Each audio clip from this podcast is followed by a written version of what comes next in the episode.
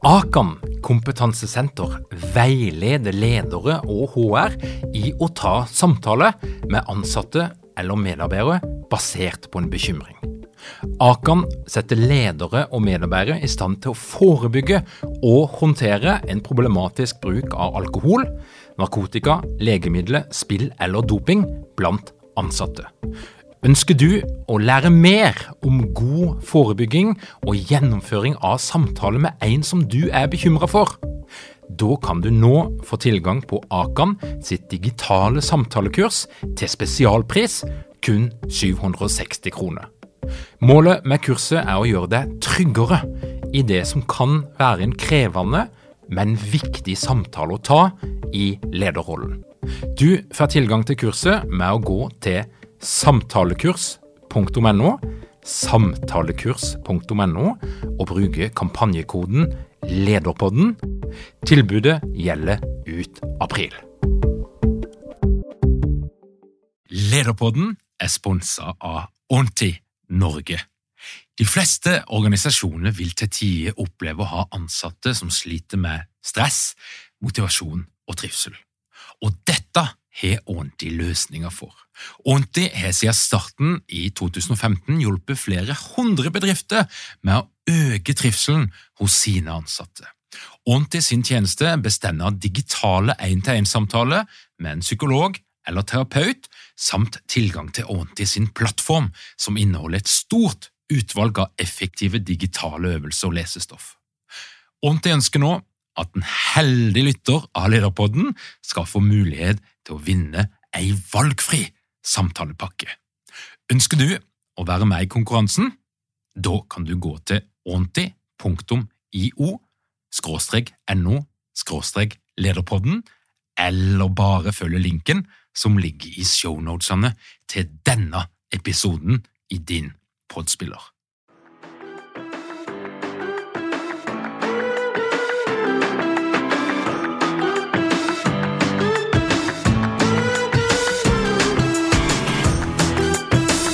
Velkommen til Lederpodden. Mitt navn er Tor Åge Eikerapen. Jeg jobber som organisasjonspsykolog med leder- og ledergruppeutvikling, og dette her er en podkast om ledelse.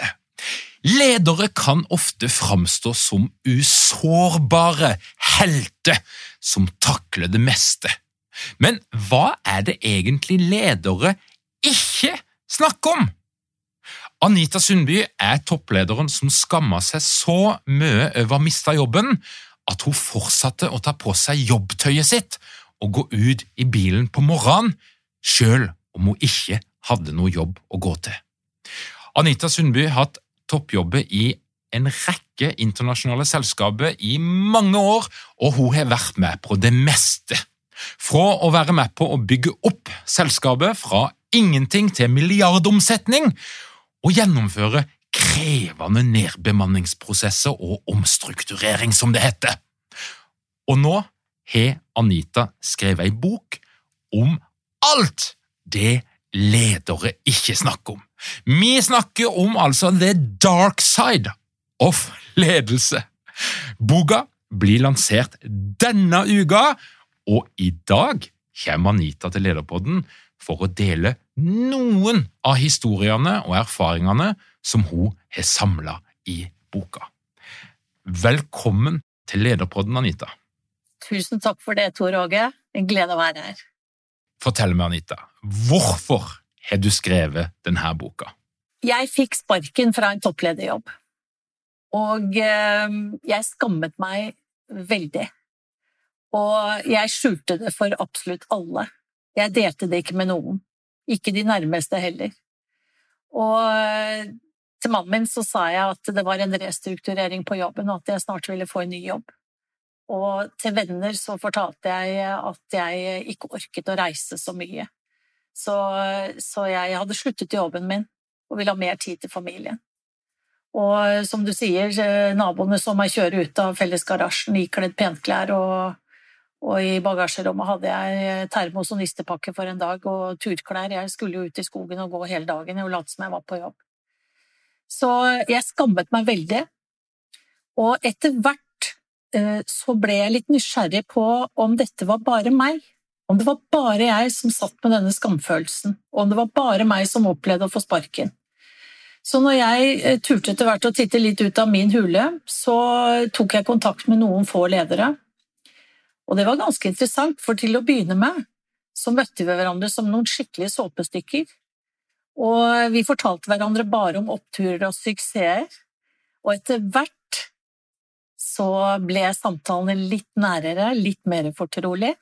Og, og, vi kom litt mer inn på det vi faktisk gikk og gnagde på. Så det ble noen historier. Og jeg skjønte at dette her, det, det var ikke bare meg. Og, og, jeg endte opp med å skrive et debattinnlegg i Dagens Næringsliv. Og det ble et hovedoppslag som eh, var helt overveldende respons på. Mange som tok kontakt. Og sånn begynte hele denne prosessen med å skrive boken.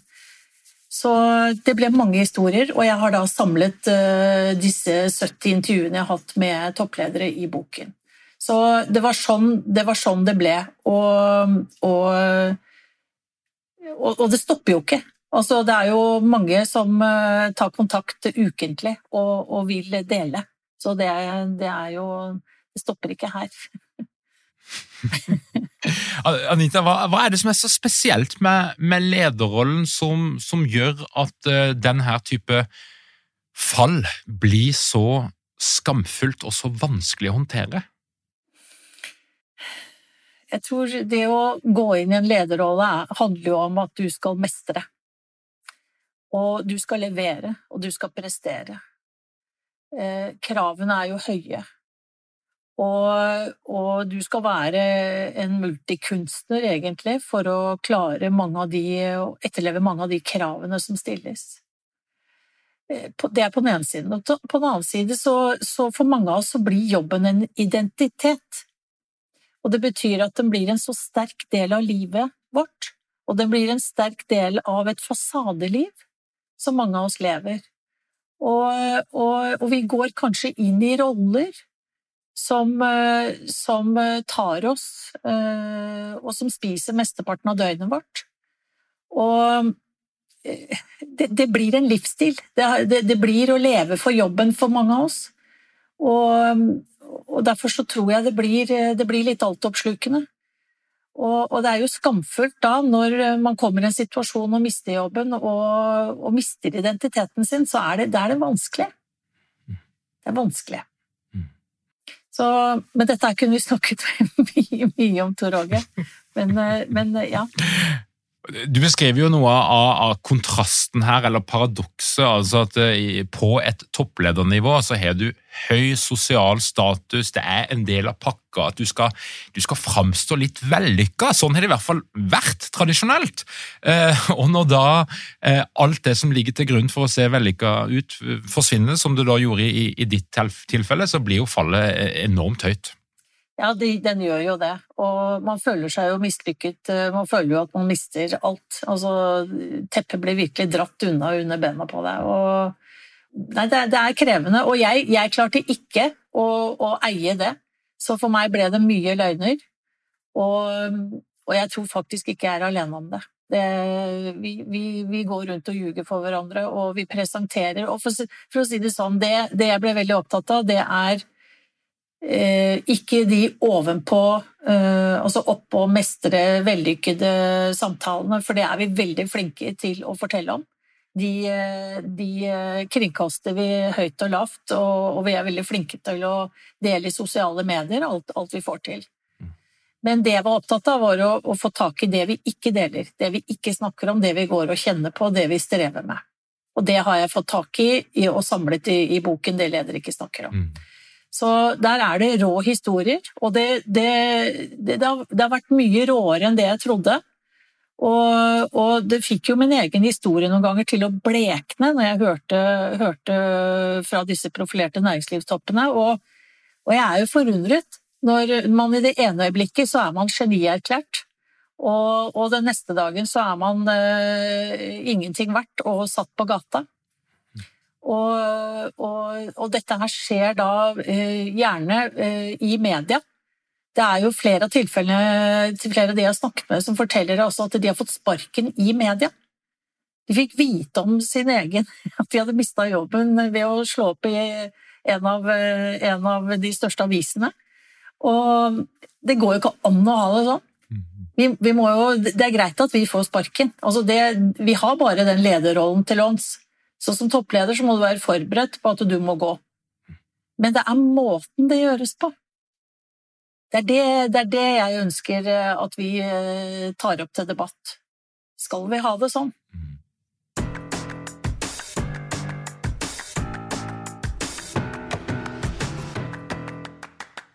Du, du beskriver jo en, en, I denne boka da, så, så får du et bilde av en kynisk verden. Mm. Altså der, der, det er um, skjulte agenda, der det er penger, der det er omdømme. Det er massevis av faktorer som styrer det som skjer, men der det er altså men menneskets betydning blir eh, i mindre grad eh, lagt vekt på. Men hva, hva, er fellesnevneren i alle de her historiene som du har samla? Hva er det som gjenger igjen? Altså hvis, jeg si om, uh, hvis jeg skal si litt om de temaene som ledere ikke snakker om, så er det Det handler mye om skam. Det handler mye om frykt. Og det handler mye om feighet. Og det handler faktisk også om personlig strategi. Og, og, skam, det kan være eksempel at, at man har tatt en, en dårlig beslutning som har fått store konsekvenser. Og frykt det kan være å gå og kjenne på at man er redd for å miste jobben, eller redd for ikke å få noen ny jobb. Eller at, at, eh, ja, altså at man er redd for å bli hengt ut i media, redd for ikke å strekke til, redd for ikke å være god nok. Og feighet, det kan være feighet i forhold til å ta den vanskelige, krevende samtalen. Eh, det kan være noe så stygt som at man utpeker syndebukker for egne feil. Det er det også en del som snakker om. Jeg har også opplevd det. Det er, det er ganske stygt. Så, men det er mange temaer. Og så er det personlig strategi. Og det er klart at det er jo sånn at mange er veldig opptatt av å sikre seg neste jobbmulighet. Og, og da er ikke disse temaene noe man går og snakker om. For vi skal se vellykket ut. Det skal vi skal fremstå som vi har kontroll, og at vi, vi står støtt. Mm. Og da er ikke dette temaet vi, vi deler. Og jeg har gjort 70 intervjuer, og det er kun syv av de som tør å stå frem med fullt navn i boka. Mm. Så det er fortsatt 90% som ikke tør å stå frem og, og, og vise hvem de er. Og, og, det skjønner jeg. Jeg skjønner det. Men det betyr ikke at vi ikke kan snakke om temaene. Mm. Og hurra og til, de syv, med, uh, ja. hurra til de syv som tør å gjøre det. og det var til og med folk som trakk seg i siste liten, rett før boka gikk i trykken. Så ble de rett og slett, de fikk kalde føtter, de ble for redde. Uh, hva skjer hvis jeg viser denne sida av meg sjøl? Nei, det, det, er helt riktig. Tre av de ble for redde og, og trakk seg, og syntes det ble for vanskelig. Mm. Og, og, det, som jeg, det, det som jeg merket da i de første samtalene jeg hadde, eh, da var vi jo såpestykker eh, for hverandre, og, og vi, jeg merket at de jeg snakket med, og meg selv også, vi, det var vanskelig. Så, så, vi begynte gjerne samtalen med 'du, det går helt fint'. Altså, jeg fikk sparken, men det går helt fint som toppleder så må man bare regne med at sånt skjer, og, og jeg har gått videre, så dette har jeg lagt bak meg. Men det var ikke sant. Og det var først på samtale nummer tre, fire eller fem at det kom en liten sprekk i skallet, hvor jeg kom på innsiden og fikk tak i råskapen. Men det handlet om, også om at jeg kom lenger inn i meg selv og mine egne følelser. Jeg turte mer, og da ble også samtalen mye nærere. Så det har, vært, det har vært utfordrende for meg selv også å klare å, å, legge bort alt jeg har lært i min lederrolle, nemlig at du skal stå trygt, du skal mestre, du skal ha kontroll. Mm. Så det å legge bort dette her og vise seg sårbar og si at vet du hva, nå er jeg, nå er jeg på et helt nytt område, er, jeg, jeg har ikke noe oppskrift å forholde meg til, jeg vet ikke hvordan jeg skal være. mm. i, en, i denne identiteten. Det er ganske skummelt. Men det er ikke noe vei utenom. Mm. Det er først da vi kan klare å gjøre en endring, tenker jeg, når vi kommer oss utenfor komfortsonen. Anita, det er, det er mange paradoks i det du uh, skriver om her. For hvis du ser på LinkedIn, jeg bruker ofte det som liksom, det er litt sånn torget, det er der vi ser hva som skjer og hva folk er opptatt av. Um, så ser det jo ut som at alle norske ledere de er jo opptatt av psykologisk trygghet, vi skal drive med ledergruppeutvikling, og vi er relasjonsorienterte, og vi skal være sårbare. Um, og det er jo det forskninga og, teorien forteller oss at funker. Men, men, så forteller jo du da at ja, det, det er greit, men, men, uh, men, virkeligheten er ikke sånn. Eller, eller har det skjedd noe utvikling? Hva, hva ser du? Jeg kan jo bare relatere til mine erfaringer og de erfaringene som jeg har fått innsyn i da gjennom boken. Mm. Og for å si det sånn, det er mer psykologisk utrygghet enn trygghet. Det er min oppfatning. Og, og, selv har jeg opplevd å være en del av å skape psykologisk utrygghet, hvor vi har sittet i leder, ledergruppemøter og, og, hatt flinke medarbeidere som har kommet inn for å legge frem en sak, hvor vi har sittet da og vekslet et blikk med hverandre, eller sittet og hvisket litt med sidemannen, eller vi har stilt noen ekstra krevende spørsmål, og, og bidratt til at folk eh, rett og slett har følt seg eh, utrygge. Og jeg er ikke stolt av det i det hele tatt. Jeg skammer meg skikkelig over det. Mm. Og det har vist seg at jeg er, jeg er ikke alene om det. Så, så Og jeg, jeg, Det finnes i dag, men jeg, min påstand er at det finnes mer psykologisk utrygghet enn trygghet. Og en annen ting også, psykologisk trygghet, det er ferskvare. Det må jobbes med hele tiden, og jeg tror eh, Min påstand er at det er mange ledergrupper i dag hvor man ikke kjenner hverandre så godt. Og det er vanskelig å skape en psykologisk trygghet. Jeg tror nummer én bli kjent. Bli trygg på hverandre, så man tør å begynne å dele det som, eh, som man kanskje står i. Krevende saker, krevende situasjoner. Tørre å vise seg sårbar. Og, og det, bare det å høre ordet sårbar er jo litt klissete, egentlig. Altså I min verden så har vi aldri snakket om sårbarhet. Jeg har jo primært jobbet eh, med menn. Og, og, altså sårbarhet, Hadde jeg nevnt det ordet på en av våre ledermøter, så tror jeg de bare hadde altså de, Nei, vet du hva, det hadde, det, hadde, aldri gått. Da hadde de sett på meg og tenkt sånn Nei, gud, hva er dette her for noe kliss kvalme greier? Hva er hun driver med nå? Så nei, vet du hva, det er på en måte ikke i vokabulæret. Og, og jeg tror det er dit vi må komme, og det jeg er så utrolig glad for, det er at den kommende generasjonen ledere, og jeg har snakket med en del av de, de vil ikke ha det næringslivet som vi lever i nå. De vil ha noe annet. De vil kunne møte opp på jobben som hele seg. De vil kunne møte opp et sted hvor man kan være seg selv på gode dager og på dårlige dager. Mm.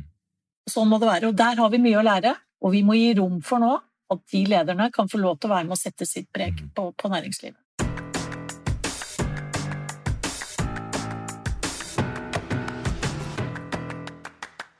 Noe av det du er tydelig på i boka, er jo at en del av de stedene der du har vært, og, og flere av de her bidragsyterne, så, så, så, så klarer en å skape gode resultater. da. Økonomisk, det, det gjenger bra, omsetninga øker, bunnlinja er solid, til tross for at det er et skikkelig drittsted å være som leder, og i noen tilfeller også som medarbeider. Mm.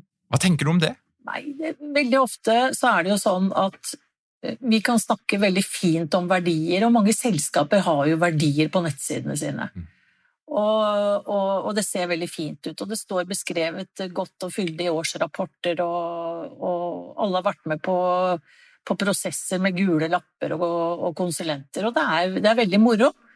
Og det henger fint øh, på, ved siden av printeren og, sånn, og det lever øh, kanskje en uke eller to eller tre. Men så glemmer vi det. Vi glemmer det i hverdagen, for vi lever jo ikke, lever jo ikke etter det. Og da er det sånn at i hverdagen så er det resultatene som teller. Det er bunnlinja som trumfer alt. Og jeg er imponert over de få som klarer å kombinere en feit bunnlinje med også et, et fokus på, på, medarbeidere. Og en av de som gjør det veldig bra i dag, det er Petter Stordalen. All honnør til han for hans triple bunnlinjefokus. Nå kjenner ikke jeg inngående til eh, resultatene i, i den modellen hans, men jeg syns likevel bare det å snakke om det, og vise at man eh, ønsker å få det til, da er man godt på vei. Og, og, og, det er ikke noe som er noe quick fix, det må jobbes med over tid. Det må jobbes med i det daglige, og det mener jeg er et lederansvar vi som ledere må gå foran, vi må ta eierskap, og vi må genuint ønske det. Så tror jeg en annen ting også, for vi er jo veddeløpshester, sånn at vi løper jo etter penga og bonusen. Sånn at eh, ta det inn som en del av kopiene våre. Sørg for at vi blir målt på dette også. Da kan vi kanskje få gjort noe med det. Anita, du skriver i boka om deg sjøl og åssen du opplevde å bli eh, som en konsekvens av lederrollen og det jaget og den bobla som du lett kan gå inn i. Altså, En kan jo kjenne på det av og til hvis en liksom, føler at en er på vei opp og, og en er virkelig kommet inn i et nytt sjikt, i eliten. Så, så kan en få eh, miste litt fokus på de tingene som en egentlig bryr seg om. Og du skriver jo veldig åpenhjertig om at du blei en person som du ikke ønska å være. Mm. Det fant du ut i etterkant. Mm. Eh, hva slags Anita var det du utvikla deg til å bli som en del av denne utviklinga og veien inn i lederrollen? Jeg tror jeg må begynne med barndommen min. For eh, i barndommen min så jeg, eh, vokste jeg opp med at det handler om å yte før uh, nyte.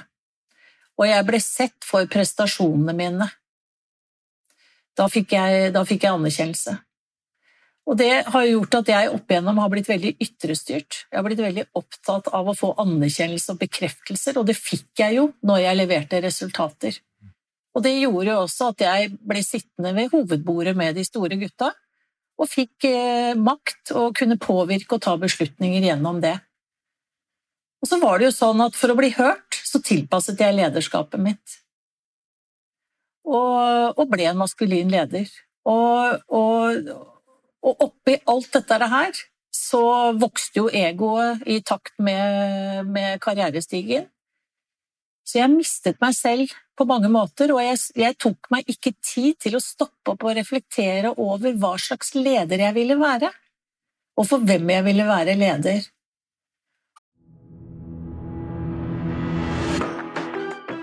Har ikke mange ledere uten trening eller utdannelse innen ledelse? Mangler dere en felles kultur og praksis for ledelse? Ønsker dere å være bedre rustet for fremtidig vekst og endring? Da kan et internt lederutviklingsprogram være en god investering. I Execu så er vi eksperter på å designe og gjennomføre bedriftsinterne lederutviklingsprogram. Hvis du ønsker å lære mer om hvordan vi kan hjelpe dykken til å få enda bedre ledere, ta og klikk deg inn på execu.no.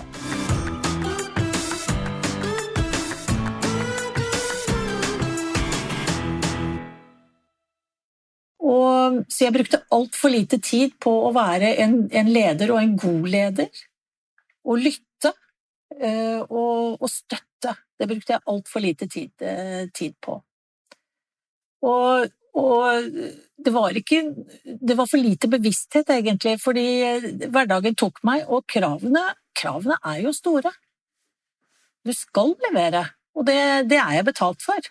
Og, og derfor så, så, jaget jeg etter, etter resultatene. Jeg jaget etter prestasjonene.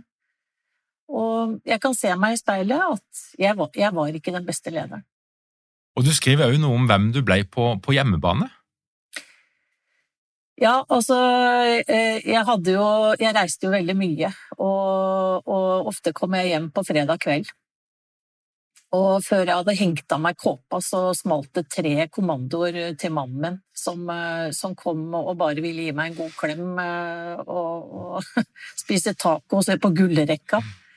Og, og jeg syns det var så vanskelig, disse overgangene fra jobb-Anita over i privat-Anita. Så det var først når jeg fikk på meg tøflene og olabuksa at, at jeg klarte å lande litt.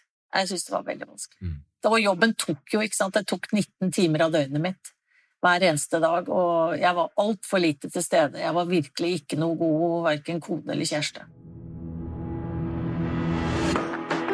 Hei, jeg heter Bård Fyn.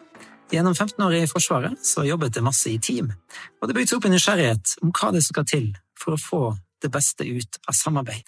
Nå forsker jeg på å undervise om eh, hvordan psykologisk trygghet kan bidra til gode teamprestasjoner. Jeg skal delta med en modul på lederprogrammet til våren, der du skal få lære om eh, hvordan du på en praktisk måte kan lede til psykologisk trygghet. Jeg håper å se deg der. Eh, mer informasjon på lederprogrammet.no.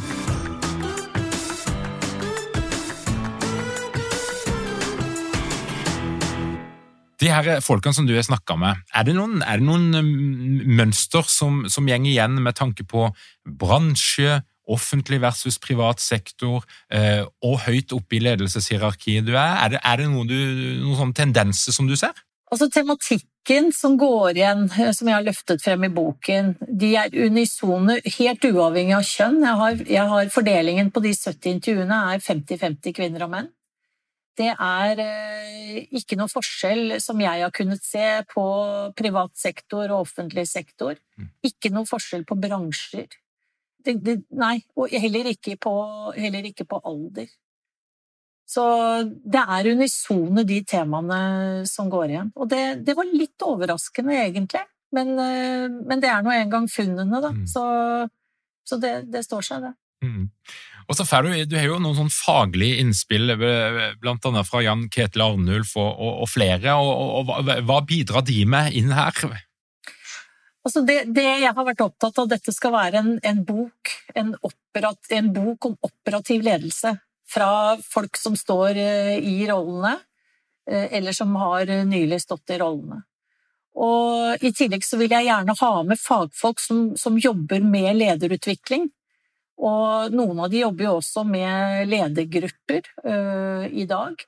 Og, og jeg syns det var viktig å høre hva er deres erfaringer, hva er det de har sett? For å se om, om det er noen andre vinklinger, om det er noen andre temaer som kommer frem. Og, og det, de bekrefter jo på mange måter det de ser da, fra sitt ståsted.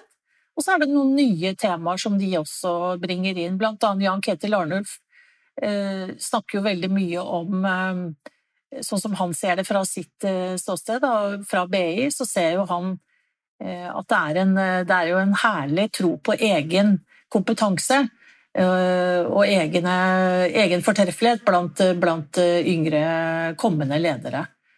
Og, og, men, men, men, han tar også et oppgjør med eksisterende led, led, lederskap, og, og vår egen fortreffelighet er også, hvor, hvor høye vi er. Og, kanskje overdriver vi noen ganger vår egen kompetanse. Og kanskje vi hadde hatt godt av å ta en titt i speilet og se at på noen områder har vi fortsatt mye mer å gå på. Så, men, men, absolutt veldig gode bidrag fra, fra de alle sammen, og vært viktig, syns jeg, å få det aspektet inn i boken også.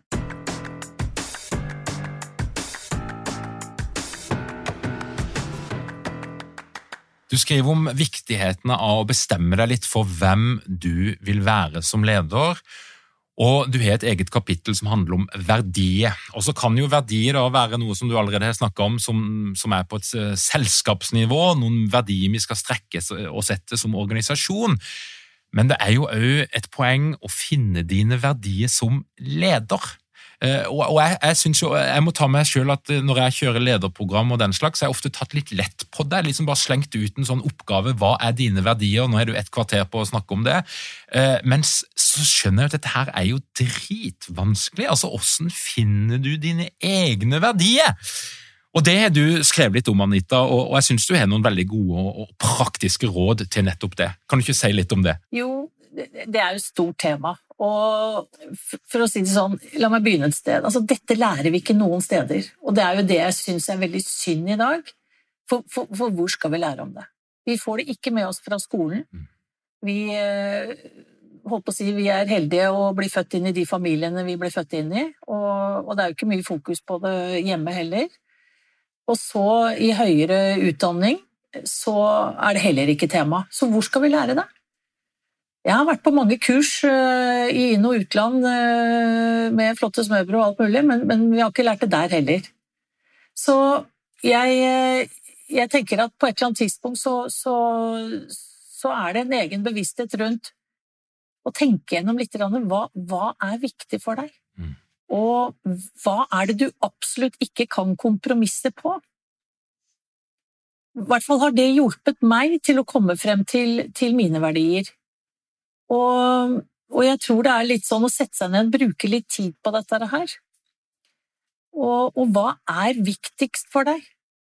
Alt er ikke like viktig. Hva er viktigst for deg? Fordi når du vet noen av disse tingene her, og kan begynne å reflektere over det, så vet du etter hvert også øh, hvilke selskap som du vil passe inn i. Hva slags verdier har de? Og det er faktisk noe jeg syns man kan bruke mye mer tid på i rekrutteringsprosessen også sørge for, de som sitter og, og finner folk i dag, bruke mer tid på det. Og, og, og som, som, jobbsøker også, still noen gode, utfordrende spørsmål rundt dette her. Ikke bare om de har noen fine verdier på nettsidene sine, men hvordan de verdiene etterleves i hverdagen. Så må man kjenne etter. da, Er dette verdier som er kompatible med dine egne? Er det, er det noe du kjenner er en god match? Så, så gjør det. Men det, vi vet jo at mange føler at de har blitt solgt inn på, på, et selskap og en rolle, og så kommer de innenfor døra, og så viser det seg at det er noe helt annet. Det holder ikke lenger. Dette her må vi bli flinkere til. Det må være mer ærlighet rundt, rundt det. Så, men jeg tror det er for hver og en å tenke litt igjennom hva er viktigst, mm. og hva er det du ikke kan kompromisse på.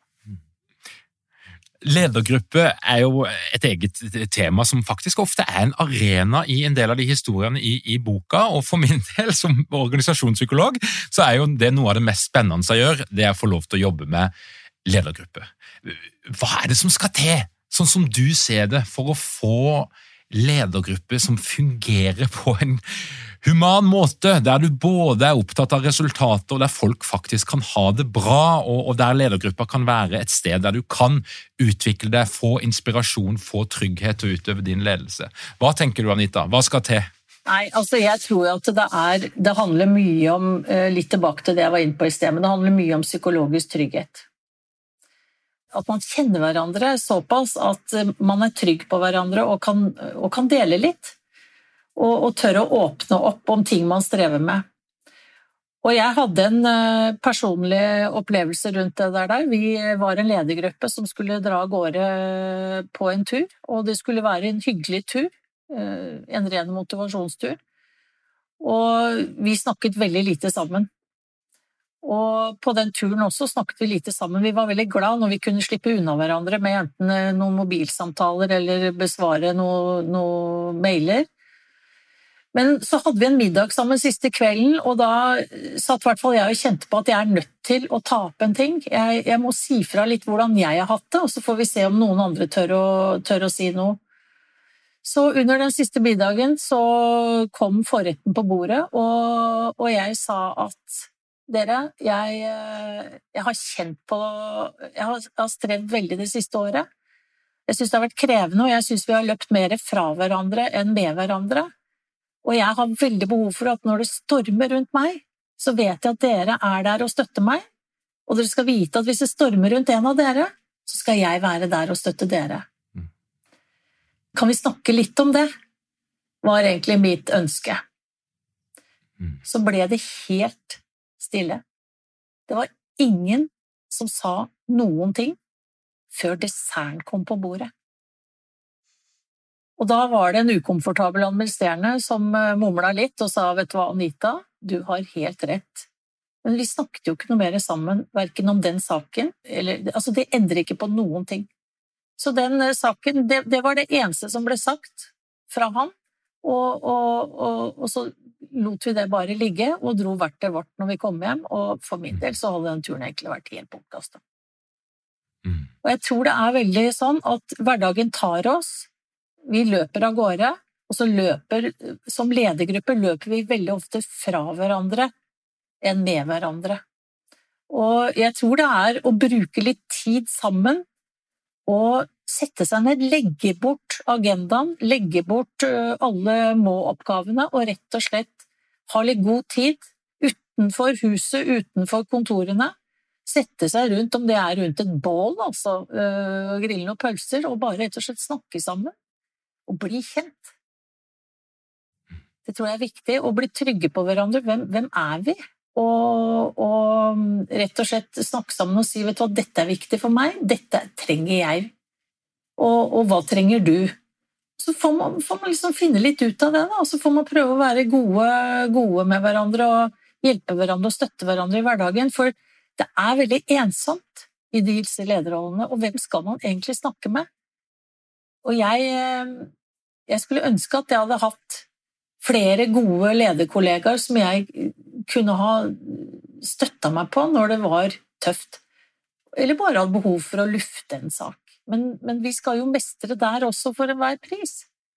Så vi tør på en måte ikke å slippe, slippe garden og vise at vi er At vi er ikke, vi er ikke ja, vi er ikke supermenn og superkvinner. Vi, vi, vi, trenger, vi trenger, andre rundt oss å dele, dele med. Mm.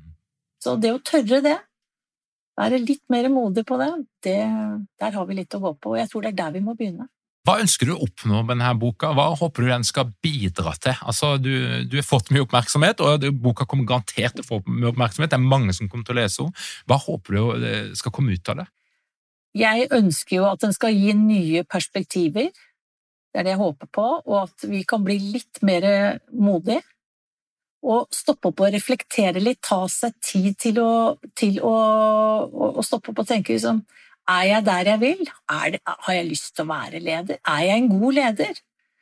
Og spør om tilbakemelding fra de rundt deg, fordi det var også en ting som jeg savnet, det var å, å, å få ærlige tilbakemeldinger. Det var veldig få som ga meg det, og jeg, jeg skjønner jo hvorfor, men likevel, det å, å be om ærlige tilbakemeldinger og tenke gjennom hvor lenge vil jeg være leder? Er jeg der jeg vil være? Og ta, ta, lille, ta det lille styremøtet med seg selv innimellom. Så det har jeg lyst til at man stopper opp og reflekterer, og så har jeg en hårete visjon. Og det er at jeg ønsker å bidra til et sunnere næringsliv. Og hvis vi kan klare å, å, å bli litt modigere og, og, tørre å stoppe opp litt, reflektere litt mer, så tror jeg vi får til det sammen. Anita, om veldig kort tid så skal jeg starte et, et nytt kull av, av, noe vi holder på med som heter Lederprogrammet, og der kommer det 25 ledere. Mange av de er i sin første lederrolle noensinne. Um, og det jeg lurer på, det er jo hva er dine beste råd til ledere som er ganske nye i den rollen? Ja, Det er jo et fantastisk utgangspunkt, og så gøy at, at, det er noen som velger bevisst eh, lederrollen, og det håper jeg jo virkelig at de har tenkt nøye gjennom. Eh, hva de vil med lederskapet sitt. Hva, de, hva, slags leder de ønsker å være, og hvorfor de vil være leder. Og da håper jeg det er noe mer enn bare stæsj og hjørnekontor. At det virkelig er et genuint ønske om å bidra. Og så tror jeg det gjøre seg noen ordentlige Ta seg en tur på stubben på de temaene der, og, og få deg en mentor. Mm.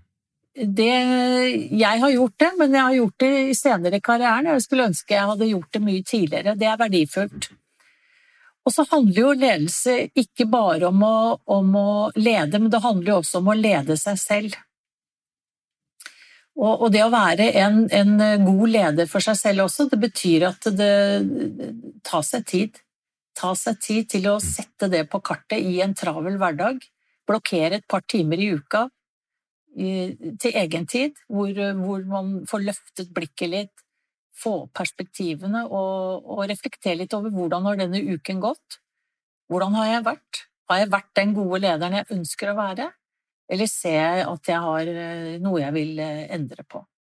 Så jeg, jeg tror litt på det, og lag deg noen gode rutiner for dette her.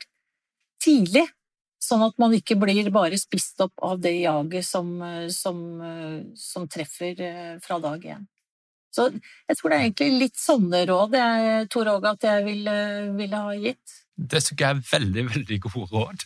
Du, det er jo sånn at du, det kan jo høres ut som at du, denne historien som du forteller om, om når du kledde deg i jobbtøy og, og, kjørte ut i marka, at det skjedde ganske nylig. Men det, sannheten er jo at du har vært i en topplederstilling eh, i mange år, og så gikk du ut av den nå i januar. Og da er jeg jo veldig nysgjerrig på, Anita, mm. hva skal du gjøre nå?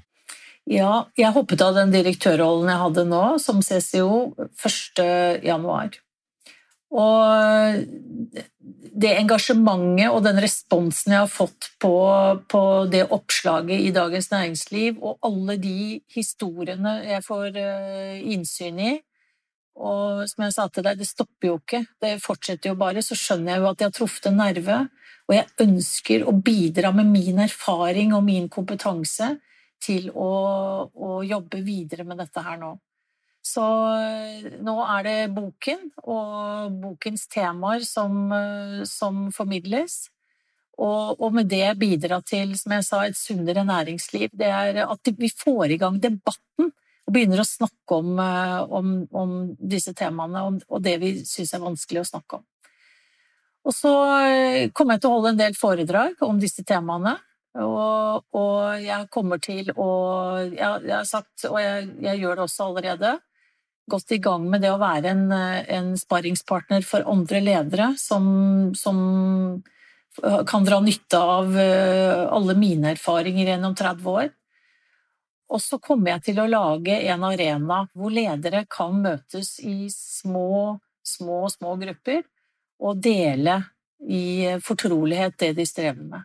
Jeg har blitt bedt om å, å, å lage det. Så, så vi, vi, får se. Altså, dette er jo i veldig sped begynnelse, og veien blir litt til mens jeg går her, men det er helt tydelig at dette er det en interesse for, og jeg brenner for det. Jeg har et enormt engasjement. Jeg har savnet det selv i mange år, og, og tenker at uh, nå er det min tur til å bidra. Jeg vil, uh, hvis, jeg kan, uh, hvis, jeg kan, være en en, eh, et talerør og et instrument for dette her, så gjør jeg det veldig, veldig gjerne. Det er viktig. Det er viktig for oss alle, egentlig.